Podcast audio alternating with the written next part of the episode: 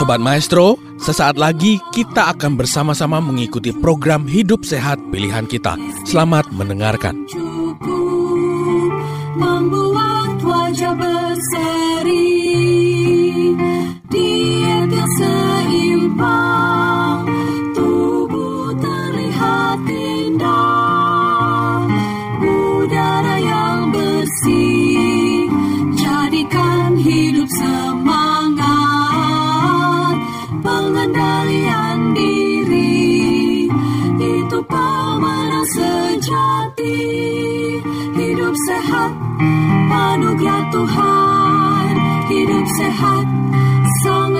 berharga sepuluh hukum kesehatan hidup Salam sehat. Selamat bertemu kembali di program Hidup Sehat.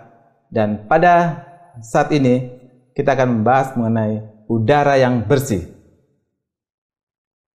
Sebelumnya kita telah bahas mengenai bagaimana hati yang gembira, istirahat yang cukup, diet yang seimbang, dan pada saat ini kita akan bahas mengenai udara yang bersih. Berikutnya tentu masih akan dibahas mengenai pengendalian diri, kemudian sinar matahari yang cukup, energi berolahraga, hubungan sosial yang baik, air jernih yang cukup, dan yang terutama Tuhan yang terutama. Semuanya ini ada 10 program dan menjadi 10 hukum kesehatan untuk gaya hidup sehat.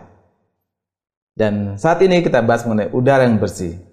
Secara definisi udara bersih adalah udara yang bebas dari polusi dalam bentuk padat, cair, atau gas seperti debu dan karbon. Anda tentu bisa hidup 4-6 minggu tanpa makanan. Ataupun tanpa air bisa hidup 5-7 hari tanpa air.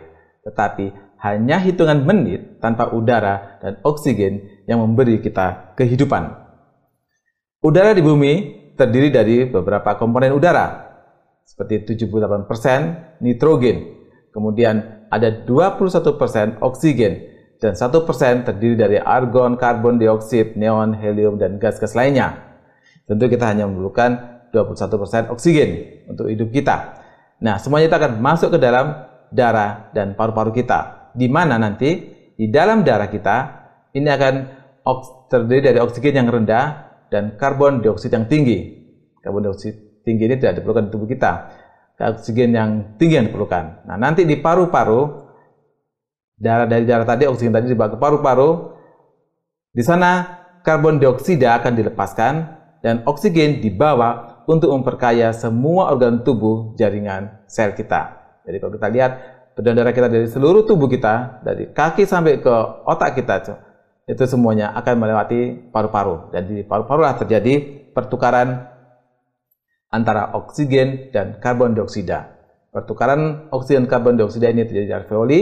Di mana kalau kita lihat eh, dari gambar ini, bagaimana yang kaya akan oksigen setelah melewati seluruh bagian daripada tubuh kita, mereka akan melewati paru-paru, di mana nanti yang kaya karbon dioksida akan dilepaskan dan kita akan bertukaran untuk bagian yang kaya oksigen diadakan kembali ke seluruh tubuh kita, mulai dari otak kita sampai kepada kaki kita. Dan perlu diketahui mengapa udara bersih itu penting. Udara segar itu bisa menurunkan ketahanan hidup dari bakteri dan virus di udara dan juga meningkatkan kemampuan belajar serta menurunkan keparahan sakit mah hanya dengan udara saja.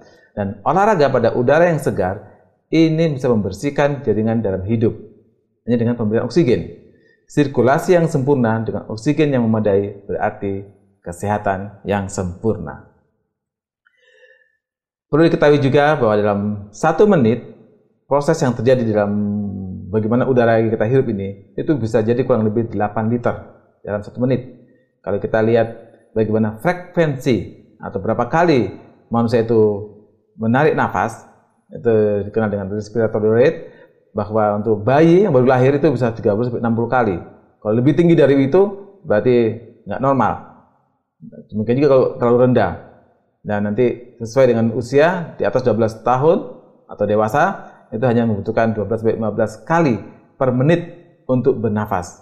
Kalau dia ternyata lebih tinggi kebutuhannya, misalkan 30 kali per menit untuk bernafasnya, sama dengan bayi, berarti ada proses yang tidak benar di dalam paru-parunya, sehingga dia membutuhkan udara lebih banyak, lebih banyak dia akan e, bernafas. Nah, ini adalah bagaimana tabel rata-rata normalnya manusia itu e, bernafas, bisa juga dilihat bagaimana rata-rata normalnya manusia itu bisa lihat nadinya, denyut jantungnya, dan sebagainya ada apa sistoliknya atau tensi sistoliknya ya. Dalam sehari kita ini bernapas hampir 20 ribu kali. Jantung berdenyut bisa sampai 100 ribu kali. Berbicara itu bisa 11 ribu sampai 27 ribu kata, kecuali yang tidak punya teman, hanya di rumah saja, hanya diam saja. Dan kita menggerakkan otot 750 kali. Kita mengoperasikan 14 miliar sel otak kita ini dan darah mengalir melewati 17 juta mil arteri, vena, dan kapiler yang berada di seluruh tubuh kita ini. Bagaimana cara memperoleh oksigen? Cara memperoleh oksigen hanya dengan satu, bernapas. Tidak bisa kita makan oksigen atau kita infus ini oksigen ini. Kita hanya bisa menggunakan oksigen dengan cara bernafas. Kecuali kita tidak bisa bernafas, dibantu dengan alat bantu nafas juga. Nah, akibat apa ya kalau terjadi kekurangan oksigen? kita bisa vitalitas hidup kita bisa berkurang. Metabolisme kita bisa menurun. Kita bisa mudah lelah dan lekas capek. Mungkin juga kita bisa jadi anemia, depresi, lekas marah, rasa rendah diri, daya ingat dan kreativitas dan konsentrasi bisa berkurang kalau kita kekurangan oksigen. Otak dan oksigen ternyata memiliki hubungan yang sangat erat. Otak ini mengandung 2% dari berat tubuh manusia. Namun, walaupun dia bagian yang kecil, membutuhkan lebih dari 25% persediaan oksigen dalam darah. Jadi otak tidak boleh sampai kekurangan oksigen. Menghirup udara segar ini memfasilitasi pemikiran yang jernih. Apakah yang membuat udara menjadi segar? Perlu diketahui, udara berkualitas tinggi dan segar sesungguhnya kalau dia bermuatan listrik. Molekul oksigen bermuatan negatif. Jadi ada molekul oksigen bermuatan negatif, ada positif. Kita memerlukan yang bermuatan negatif yang tinggi. Standar Badan Kesehatan Dunia WHO mengatakan bahwa konsentrasi ion negatif atau anion harus melebihi 1000 anion setiap cm kubik. Bahkan dikatakan juga bahwa ion negatif ini mampu merusak daripada uh, virus COVID di tingkat molekuler, ya, dengan ion negatif saja, dengan udara yang baik, yang mengandung ion negatif yang banyak. Sekarang, udara segar, ion negatif, itu di mana saja dapatnya kita peroleh? Itu bisa kita peroleh di dekat air terjun, di hutan, kemudian di suasana habis hujan, sungai, dan di dekat-dekat pantai. Penelitian telah dilakukan terhadap dampak ion-ion udara terhadap penyimpangan perilaku sosial manusia. Penelitian ini menunjukkan bahwa ternyata dampak ini bisa memiliki efek. Jadi efek dari ionisasi positif dan negatif ini menurut hasil laporan penelitian dikatakan penelitian ada tiga penelitian yang dirangkum di sini yaitu dari Malcolm tahun 65 dilakukan itu ternyata ada pengaruhnya kalau ion positifnya naik, rasa sakit dan mood negatif itu juga ikut naik. Kalau jadi kalau uh, kecepatan reaksi, gerak dan reaksi, kalau ion negatifnya yang banyak maka bisa turun. Kalau ion positifnya yang naik maka naik juga kecepatan reaksi.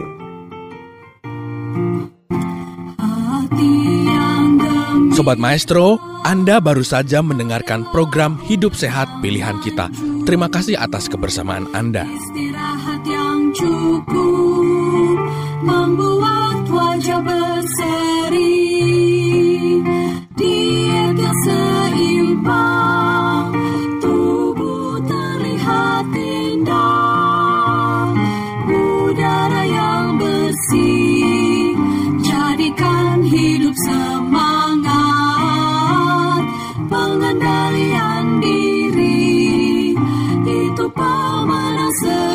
Sejati.